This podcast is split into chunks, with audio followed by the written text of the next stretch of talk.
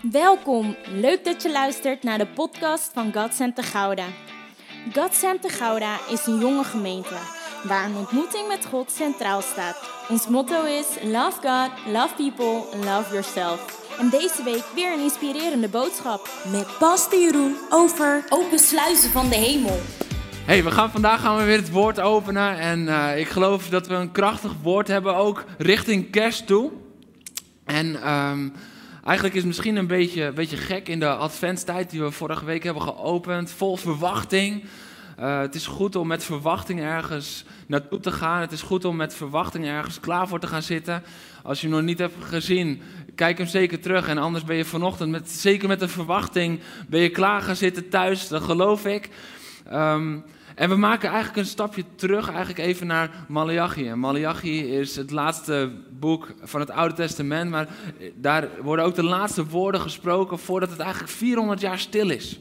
Het is op een gegeven moment 400 jaar stil vanuit God door zijn profeten richting het volk. En dan komt Jezus.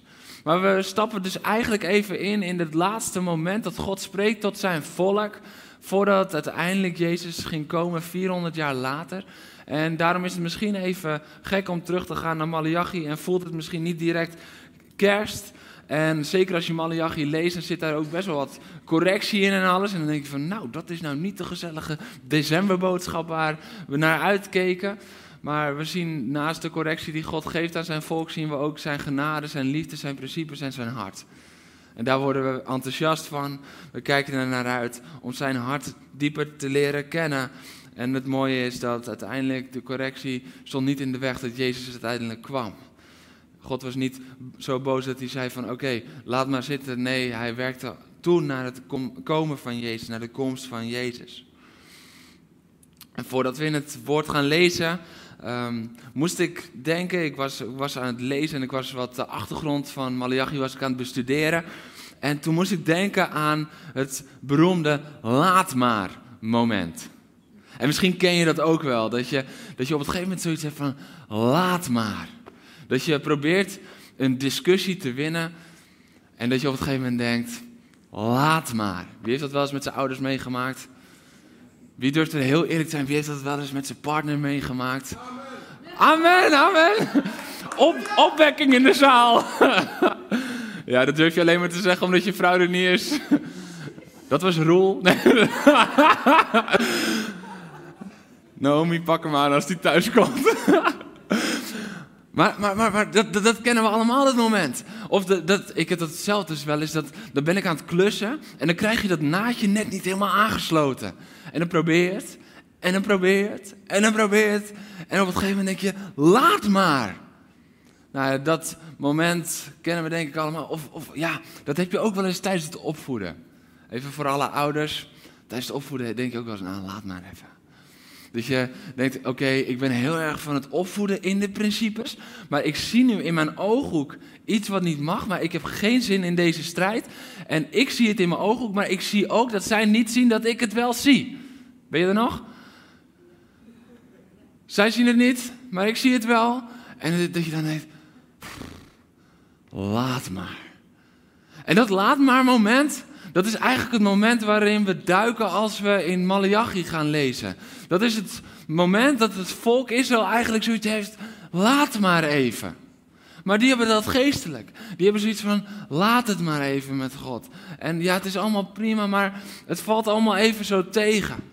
Ze zijn teruggekomen uit een ballingschap. Ze zijn tientallen jaren in ballingschap geweest en, en ze zijn teruggekomen. En dan verwacht je van, oh, ze zijn vurig om het land weer op te bouwen, maar eigenlijk valt het iedere keer zo tegen. De nieuwe tempel valt tegen. Uh, de, de, de, de akkers, de opbrengst valt tegen. De nieuwe steden vallen tegen. Ze gaan meer buiten de steden wonen, want daar voelen ze zich veiliger zonder de omheining van steden, omdat ze beter aanzien komen wanneer de vijand komt. Dat zegt iets over de steden. Dus, dus, dus wat we zien, is dat ze een laat maar moment hebben. Maar God besluit dat niet zo te laten, maar die breekt dwars door hun laat maar moment in. Omdat het zo ontzettend belangrijk is dat we niet vallen en blijven hangen in een laat maar moment. Malachi stipt veel aan. Hij spreekt de priesters aan op het brengen van goedkope offers en het houden van populaire praatjes in plaats van getrouwe prediking. En hij spreekt het woord aan op de huwelijken die ze sluiten met vreemde volken, de liefdeloze scheidingen die daarop volgen, het onthouden van de tiende aan het huis van de Heer en de lastelijke taal die ze spreken. Dus dit is niet het meest gezellige boek. Dit is niet zo van All I Want for Christmas is lezen uit Malachi. Nee, dat vinden we niet zo fijn. Maar toch is het een, een, een boek met heel veel sleutels, ook voor jou en mij vandaag de dag. Want Even voor de duidelijkheid, we gaan zo direct het een en ander lezen. En dat is nog onder het oude verbond, eh, onder de wet die gold voor het volk Israël. En de wet is vervuld, dus daarin zijn wat kanttekeningen, maar de principes die erachter liggen, die zijn wel nog steeds voor ons vandaag de dag. En doordat het in het Oude Testament staat, willen we nog wel eens zeggen van ja, nou, dat is dan de wet of dat is dan het Oude. Nou, ten eerste het principe waar we het vandaag over gaan hebben, dat was er al voordat de wet kwam. En ten tweede het feit dat God het principe van zijn hart heeft opgenomen in zijn wet, maakt het nog niet altijd wettisch. Maar dat maakt dat het belangrijk was voor het volk Israël. Maar dan kan het nog steeds uit zijn hart komen en tot zegen zijn voor ons vandaag de dag. Dus ik wil je uitdagen om daarin je hart open te zetten. Want de principes van de schepper zijn altijd goed voor zijn schepsels. Dat is het principe waaruit God werkt. Zijn principes zijn altijd goed voor ons. Hij is goed. Als we geloven dat God goed is en dat Hij trouw is, van geslacht tot geslacht tot geslacht, tot in alle eeuwigheid, durven we dan ook te vertrouwen dat Zijn principes ook goed zijn. Als wij durven te zeggen van ja, maar wat God maakt, dat is goed. En wat God wil, dat is goed. Durven we dan ook te zeggen wat Gods principes zijn, dat is goed voor jou en voor mij, voor ons. En durven daar dan net zo blind in te stappen. En ik geloof dat vandaag dan die laat maar momenten, misschien jouw laat maar moment, misschien mag omkeren. Niet misschien mag omkeren, maar eigenlijk mag omkeren naar van laat maar naar maar toch. Naar maar als. Zoals Petrus zei, hij had de hele nacht gevist. Hij had niks gevangen. En dan op het slechtste moment, volle dag, zegt Jezus: hey, ga jij maar naar diep water en gooi daar je netten uit. En eigenlijk zou je zeggen, Petrus had daar alle recht om te zeggen: Heer Jezus, we hebben het allemaal al geprobeerd. Laat het maar voor vandaag. Laat maar. We hebben niks gevangen. Het zat er gewoon even niet in. Laat maar voor vandaag. Komt morgen wel weer. Komt een andere keer wel weer. Komt wel. Maar laat maar voor nu. Maar Petrus zei niet laat maar. Hij zei, Jezus, we hebben niks gevangen en we zijn de hele nacht. En hij dacht er nog bij van, en dit is een ongunstig moment. En in diep water getuigt niet van heel veel visinzicht. Maar dat zei hij niet. Hij zei, maar als. Maar als u het zegt, dan zal ik het doen. En ik geloof dat we vandaag van een laat maar moment naar een maar als u het zegt, dan ga ik het doen, mogen stappen. En ik wil je uitdagen. Laat het woord van God niet alleen klinken, maar laat het ook zakken in je hart. Want daar wordt jouw laat maar, wordt een maar als. En daar wordt het principe van God, waar je misschien een tijdje van afstand hebt genomen, laat maar, wordt weer de zichtbaarheid van Gods hart. En als we Gods hart weer gaan ontdekken, dan gaan we zijn principes weer lief hebben. Dat is hoe het werkt. En ik wil met je lezen Malachi 3, vers 6 tot en met 12. Ik wil vragen om op te staan voor het woord van God als we dat gaan lezen. Malachi 3, vers 6 tot en met 12. Ik, de Heer, ben niet veranderd. God is hier aan het woord. En jullie gedragen je nog altijd als de nakomelingen van Jacob. Jullie voorouders hielden zich al niet aan mijn geboden en jullie doen dat ook niet. Keer terug naar mij, zegt de Heer van de hemelse machten. Dan zal ik naar jullie terugkeren en jullie zeggen, en jullie zeggen nu misschien, hoezo moeten we terugkeren? Vinden jullie dat een mens God mag bestelen? Toch bestelen jullie mij. En zeggen dan, hoezo bestelen we u? Door de tiende en de heffingen achter te houden. Jullie zijn vervloekt en nogmaals vervloekt en toch blijft het hele volk mij bestelen. Stel mij maar eens op de proef, zegt de Heer van de hemelse machten. Breng alle tienden naar mijn voorraadkamer, zodat er voedsel in mijn tempel is. En zie dan niet of ik de sluizen van de hemel voor jullie open en zegen in overvloed over jullie land laat neerdalen. Ik zal de springkaan onschadelijk maken, zodat hij de opbrengst van de aarde niet meer kan verwoesten en de truiverdors zal niet meer verdorren in de wijngaarden, zegt de Heer van de hemelse machten. Alle volken zullen jullie gelukkig prijzen, want jullie zullen wonen in een heerlijk land, zegt de Heer van de hemelse machten. Amen. Amen. Telkens komt ook terug, zegt de Heer van de hemelse machten. En ik zei het net al, dit is een van de laatste dingen die God zegt tot het volk Israël voordat het 400 jaar stil zal zijn. En die stilte, die is heftig.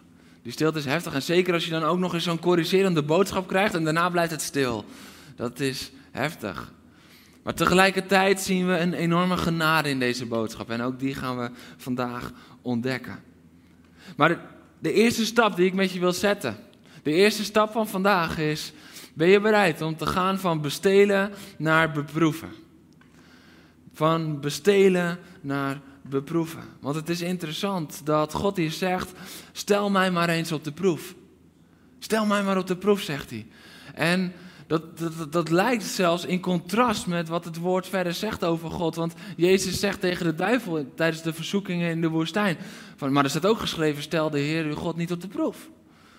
Dus God zegt hier, als een van de weinige momenten in het woord, zegt hij, stel mij maar op de proef. Want hij wil dat ze, door hem weer op de proef te stellen, zijn hart weer ontdekken en zijn principes gaan begrijpen, waardoor ze de zegen weer kunnen gaan pakken.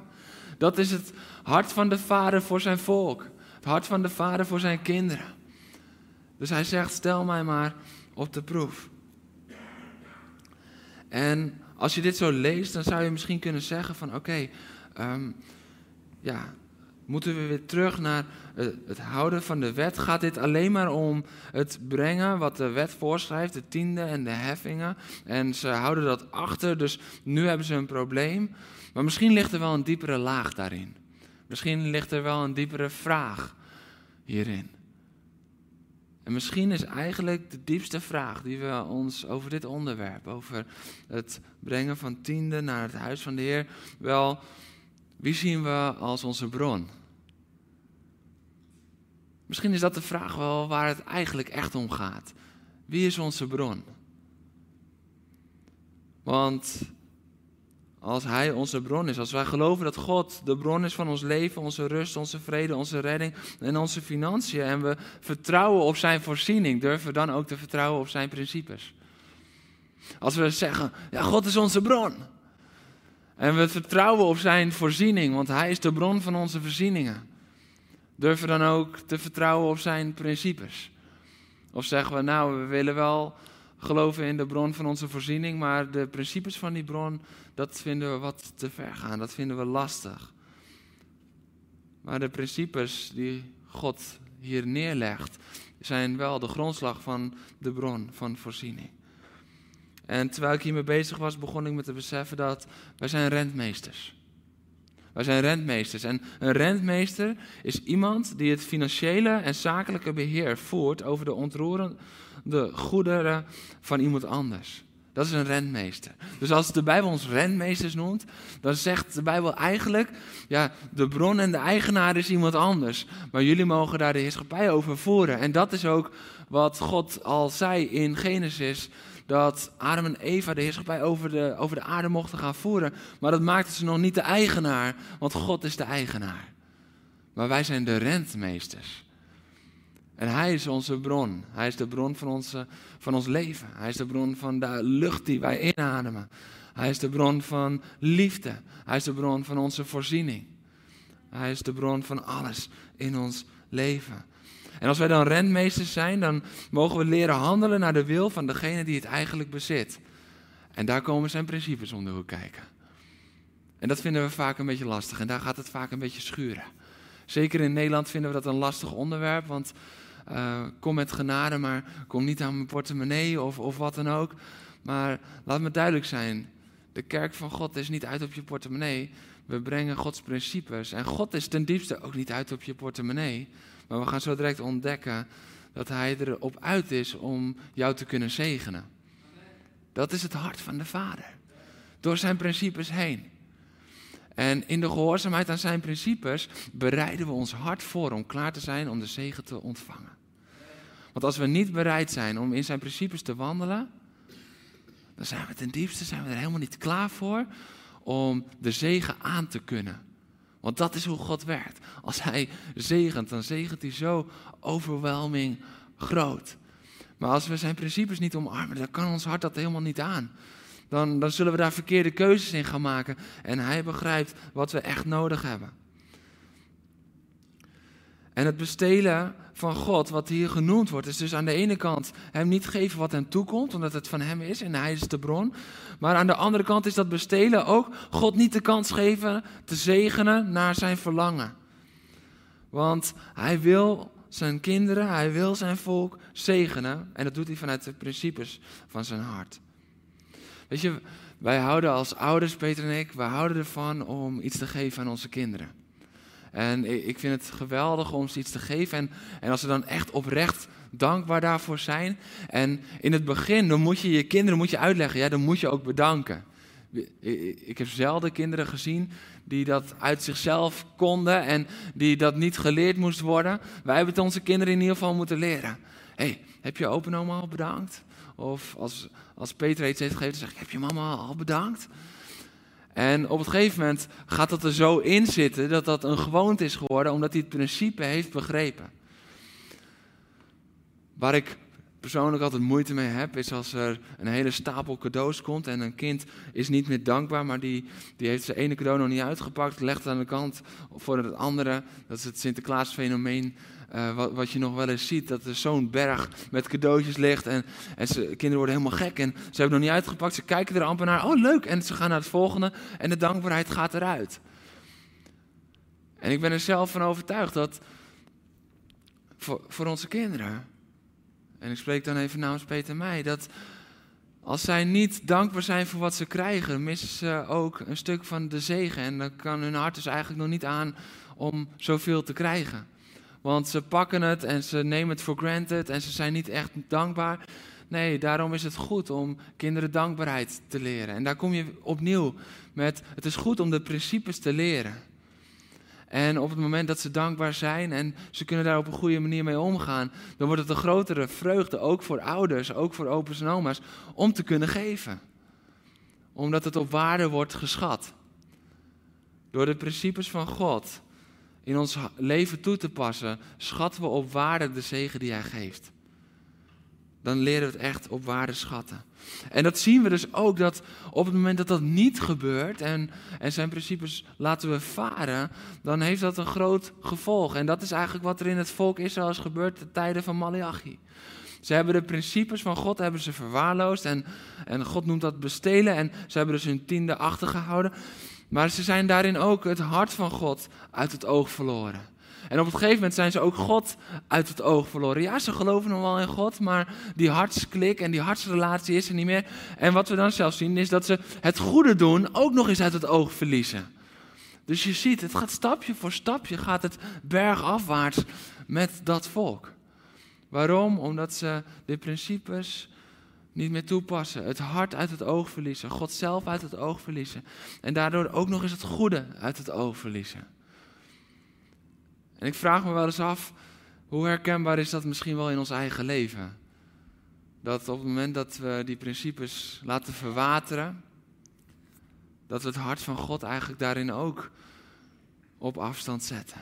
Dat we het minder ervaren, minder zien, waardoor we het ook minder zoeken en er komt afstand. En op het gegeven moment ja, raakt God wat verder uit de picture en leven we meer vanuit eigen inzicht en wat we zelf lekker vinden, zoals het volk Israël weer huwelijken aanging met vreemde volken, vol in scheidingen, trad liefdeloze scheidingen, waar het lastelijke taal begon te spreken. Je ziet dat op het gegeven moment God uit het oog, maar dan gaat ook nog eens gewoon het goede uit het oog. En je ziet dat het bergafwaarts gaat. Terwijl Gods hart is dat Hij wil geven, dat hij wil zegenen door zijn principes heen, omdat hij weet wat het beste is voor zijn maaksels. Hij is de maker. En misschien zit jij te kijken, misschien ben je hier en heb je eigenlijk ook een ach laat maar fase. Dat je denkt, ja laat maar. Ik heb het een tijdje geprobeerd, maar laat maar. Ik heb een tijdje ben ik gegaan en we zijn gaan opbouwen, maar het viel toch wat tegen. Dus laat maar even. Zoals het volk Israël terugkwam uit die ballingschap, begon met opbouwen, maar het viel wat tegen en het kwam in een laat maar. En dan zegt God, misschien heb je mij de afgelopen tijd bestolen van de kans om jou te zegenen. Maar ga van bestelen naar beproeven. Ga vandaag van bestelen naar beproeven. Want je mag mij beproeven hierin. Beproef mij maar. En zie dan niet of ik doe wat alleen ik kan doen, zegt God. Beproef mij en zie dan niet of ik de sluizen van de hemel zal openen. Overvloedige zegen over jullie land zal laten neerkomen. Want dat is de belofte die God eraan koppelt. En dan is de vorm van God beproeven niet God voor ons eigen karretje spannen, maar het is stappen in de principes vanuit Gods woord en trouw zijn aan de vraag die Hij je stelt. En dan komt dat stukje dat er staat, en zie dan niet of ik de sluizen van de hemel voor jullie open en zegen in overvloed op jullie land laat neerdalen. Maar die open hemel begint met een bereid hart. Die open hemel, die begint met een hart van bereidheid. Dat bereid is om de principes van God te pakken. En wat we dan zien is dat God zegt, of ik de sluizen van de hemel niet zal openen. Zodat er weer voorraad is en voedsel is in mijn tempel. En, en wat het mooie is, hier is God eigenlijk heel praktisch in en heel geestelijk in. Aan de ene kant was het ook, waren er ook graanoffers en, en tienden van, van graan. Dus was er ook voedsel voor, voor offers richting God. Dus was er letterlijk voedsel in de, in de tempel. Maar aan de andere kant was het ook het, het geestelijke voedsel waar God het over heeft. Het is niet alleen het praktische, het is niet alleen het geestelijke. Het is samen, want God is niet een God van alleen dit of alleen... Nee, hij pakt de volheid ervan. Als je denkt dat God alleen geestelijk in jou geïnteresseerd is, dan, dan mist zoveel nog uit het evangelie. Jezus was geïnteresseerd in de geestelijke staat van de mens, maar ook gewoon de lichamelijke staat van de mens. Jezus keek naar geest, ziel en lichaam. Hij was niet alleen geïnteresseerd van, oké, soms doen we zo overgeestelijk met elkaar. Ja, het gaat allemaal om het geestelijke. Het gaat alleen maar om, uiteindelijk het, doel in de hemel en het geestelijke. Maar als dat zo was, dan vraag ik me af waarom Jezus drie jaar lang heeft bediend op aarde. En in die drie jaar zoveel mensen heeft genezen, zoveel mensen heeft bevrijd, naar zoveel mensen heeft omgekeken, zoveel mensen hun ziel heeft geraakt. Het gaat om geest, ziel en lichaam. God kijkt naar in zijn volheid om, naar de volheid in ons leven. En wat er dan staat is dat er een belofte is van zowel die natuurlijke als die geestelijke voorziening. En ook die overvloedige zegen die over het land zal neerdalen in een tijd dat het niet zo goed ging met het land. Het land was verwaarloosd en niet goed onderhouden. De oogst viel tegen en iedere keer viel het tegen. En daarin blijkt weer de genade van God. Want God zegt hier dus niet van oké, breng die tiende en zorg dat je dit op orde krijgt en dit op orde krijgt en dit op orde krijgt en dit op orde krijgt. Nee, hij zegt, en zal ik het dan niet doen? En, en dat, dat vind ik zo mooi. Hij zegt niet van oké, jullie hebben het zoveel jaar, hebben jullie het verwaarloosd, dan gaan jullie nu eerst zoveel jaren, gaan jullie het herstellen zelf. Nee, hij zegt oké, dit is het punt. En als jouw laat maar, een maar toch, maar als u wordt, en je stapt in mijn principes, dan gaan we niet eerst, moet jij persoonlijk al die rotzooi opruimen van de afgelopen jaren. Hij zegt, nee, laat mijn zegen dan maar komen. Laat mijn zegen dan maar stromen. En beproef mij en je zal zien dat de hemel open gaat, de sluizen open gaan en overvloedige zegen zal op je neerkomen. Dat is wat er staat. Dus ze moesten niet zelf het land herstellen, wat ze niet goed hadden onderhouden. Maar ze moesten terugkeren naar de principes van God. En toen deed hij alleen wat hij kan doen. Zoals Jezus kwam, wat hij alleen kon brengen. Als we de principes van God pakken, dan is het alleen wat hij kan doen. De oogst viel tegen, het was niet goed onderhouden, alles viel tegen, maar God. Zet ze niet aan het werk om goed te maken wat ze hebben verpest. Vraag ze niet te vergoeden wat ze hebben gefaald. God zegt hier ook niet van oké, hey, jullie hebben zoveel jaar de tiende achtergehouden. Laten we dat eerst nog even die rekening vereffenen. Hij, dat is helemaal niet waar God op uit is. Soms kunnen we zo wettisch denken gelijk van oh maar wacht eens. Hij zegt nee maar ik wil dat je nu stapt in mijn principes. Want mijn zegen voor jou is voor nu. En ik wil het niet over een aantal jaar, nee ik wil het nu. En dan kijken we niet meer terug naar wat is geweest. Nee, maar ik wil het nu. Zodat ik jou kan raken, zodat ik jou kan zegenen, zodat ik mijn hemel kan openen nu. God is een God van het nu-moment. Wij denken vaak terug aan het verleden, maar als God terugdenkt aan jou en mijn verleden, dan denkt hij daaraan. Dan denkt hij aan een offer, aan een kruis, waar ons verleden is betaald, waar we zijn vrijgekocht van ons verleden. En als wij zijn vrijgekocht van dat verleden, dan is het niet de bedoeling om iedere keer terug te kijken en te denken dat we nog iets moeten vergelden. Vrijgekocht betekent dat de hele prijs is betaald. Dat is wat Jezus heeft gedaan. De hele prijs is betaald. En dat is ook de hartschreeuw die in de principes van God hier klinkt. Ja, hij verlangt ernaar dat zijn, dat zijn volk de tiende weer brengt, omdat hij weet dat het tot zegen zal zijn van de tempel, van hemzelf en van zijn kinderen. Maar het begint allemaal met die hartschreeuw: keer terug naar mij, zegt de Heer van de hemelse machten. Keer terug naar mij. En dat is de roep van Gods hart. De roep van Gods hart is dat hij zegt: keer terug naar mij. Misschien heb je een laat maar fase in je leven, maar keer terug naar mij. Want ik verlang ernaar om, om in jouw leven te werken. Ik verlang ernaar om die hemel te openen. Ik verlang ernaar om overvloedig jou te zegenen. Keer terug naar mij.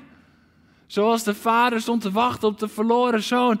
En, en iedere dag daar, keer terug naar mij. Ik sta klaar om naar je toe te rennen. Dit is de houding van God en dit is de hartschreeuw. In misschien een best wel heftig boek, Malachi. En misschien denk je, zo, is dat nou echt het laatste wat God zegt voor 400 jaar stilte voordat Jezus komt? Dat is best wel confronterend. Maar in die confrontatie klinkt zijn hart, keer terug naar mij. Want ik verlang naar jou. En dat is wat hij vandaag ook zegt tegen jou. Ik weet niet in welke situatie je thuis zit. Maar misschien zit je wel zwaar in zo'n laat maar fase. En heb je de principes een beetje laten gaan en, en laat je het allemaal een beetje lopen omdat je denkt, laat maar. Weet je, ik had grote plannen voor 2020 en ik dacht, dit wordt mijn jaar, maar laat maar. Want het stomme corona heeft alles verpest en voorlopig zijn we er nog niet uit. En ik wilde dit en ik wilde dat en ik had grote visie, maar laat maar. En in het laat maar en in het balen van het laat maar ben je andere principes ook maar even gaan laten. En God roept je, keer terug. Keer terug naar mij. En dat is de roep van een God die roept naar zijn kinderen. Dat is de roep van God, de Vader, die zijn kinderen roept en die zegt: Kom alsjeblieft.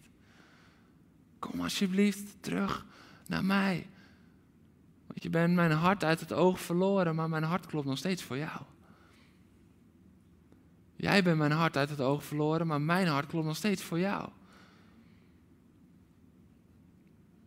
En je zit thuis en je twijfelt of Gods hart nog wel voor jou klopt, want je hebt zo'n lange laat maar fase waar je nu in zit en al tijden in zit. Maar het feit dat je zijn hart niet ziet, betekent niet dat het niet voor jou klopt. Want God zegt, elke dag sta ik op de uitkijk.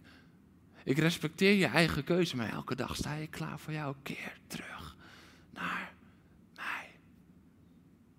Keer terug, mijn kind. Keer terug, mijn volk. Keer terug, mijn kerk. Keer terug naar mijn principes. Keer terug naar mijn principes uit vertrouwen in mijn hart. Een kerk die de principes van God blind durft te volgen, heeft zijn hart ontdekt. Is onder de indruk geraakt van zijn hart. Is onder de indruk van wie hij is. Maar op het moment dat we dat stukje verliezen en we zijn niet meer zo onder de indruk van wie hij is, dan wordt het moeilijk om zijn principes in de praktijk te blijven brengen. Is dat herkenbaar? Dat is toch, dat is toch herkenbaar? Misschien mag je gewoon kwetsen, maar dat is herkenbaar. Zet in de chat, dan voel je met elkaar van, oh, ik ben niet de enige. Maar dat is heel herkenbaar. Op het moment dat we zijn hart niet meer, dat we niet meer zo onder de indruk zijn. Op het moment dat we niet meer daar zo vol van zijn, dan wordt het volgen van zijn principes wordt moeilijker. Denk maar eens aan je stille tijd. Tijd met God nemen. Tijd apart zetten voor Hem. Is een stuk moeilijker op het moment dat je niet zo onder de indruk bent van zijn grootheid en zijn aanwezigheid en noem maar op. En je hebt er wat minder in geïnvesteerd dan wanneer je er helemaal vol van bent. Als je er helemaal vol van bent, dan kan je stille tijd niet lang genoeg duren. En dan is het gewoon balen dat je nog een vervolgafspraak hebt. Gebed. Waarom moeten we ons er zo vaak toe zetten? Vaak omdat we gewoon niet onder de indruk zijn van zijn hart, van zijn grootheid, van wat hij doet in onze gebedstijd met hem. Maar weet je hoe heerlijk het is om in die tijd van gebed te zijn en zijn aanwezigheid te voelen? En als we dan onder de indruk daarvan raken, is de volgende keer is het niet moeilijk om te starten met bidden, maar sta je te popelen. Als je een heerlijke gebedstijd hebt gehad op woensdagavond, dan denk je, wanneer is ook weer die eerste zaterdag van de maand dat we om half acht ochtends bidden? Ja, dat kost me wat om half acht ochtends, maar heerlijk. Was afgelopen zaterdag, je hebt nog een maand om je daarop voor te bereiden. Oké. amen. José is er, de eerste van januari. Typ amen in de chat als je er ook bent en we houden je eraan. Het is goed om, om bij elkaar te zijn om te bidden. Maar als je terugkeert naar mijn hart, zegt God, zal je mijn principes begrijpen en mijn zegen ervaren.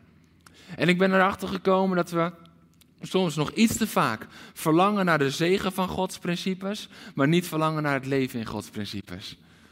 Maar die zijn aan elkaar verbonden. Die zijn onlosmakelijk aan elkaar verbonden. Dus op het moment dat we verlangen naar de zegen van zijn principes, mogen we eerst stappen om te leven in zijn principes. En die twee zijn aan elkaar verbonden. En het mooie daarvan is, is aan de ene kant dus dat het nodig is om in zijn principes te stappen. Maar het mooie en het zegenrijke eraan ook is, dat als we erin stappen, omdat het onlosmakelijk aan elkaar verbonden is, kan het niet anders als zegen uitwerken in jouw leven. En die zegen gaat dan zelfs nog verder. Want vaak, weet je wel, als we een offer ophalen, het is eerste van de maand, dan in heel veel kerken, dan pakken ze vooral Malachi 3 vers 10, want daar is het stukje, breng het naar de vooruitkamer, breng het naar mijn tempel, en zie dan op de sluizen open gaan.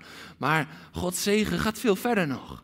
Want wat er dan staat in vers 11 is, ik zal de springkaan onschadelijk maken, zodat hij de opbrengst van de aarde niet meer kan verwoesten en de druiventros niet meer kan verdorren in de wijngaard.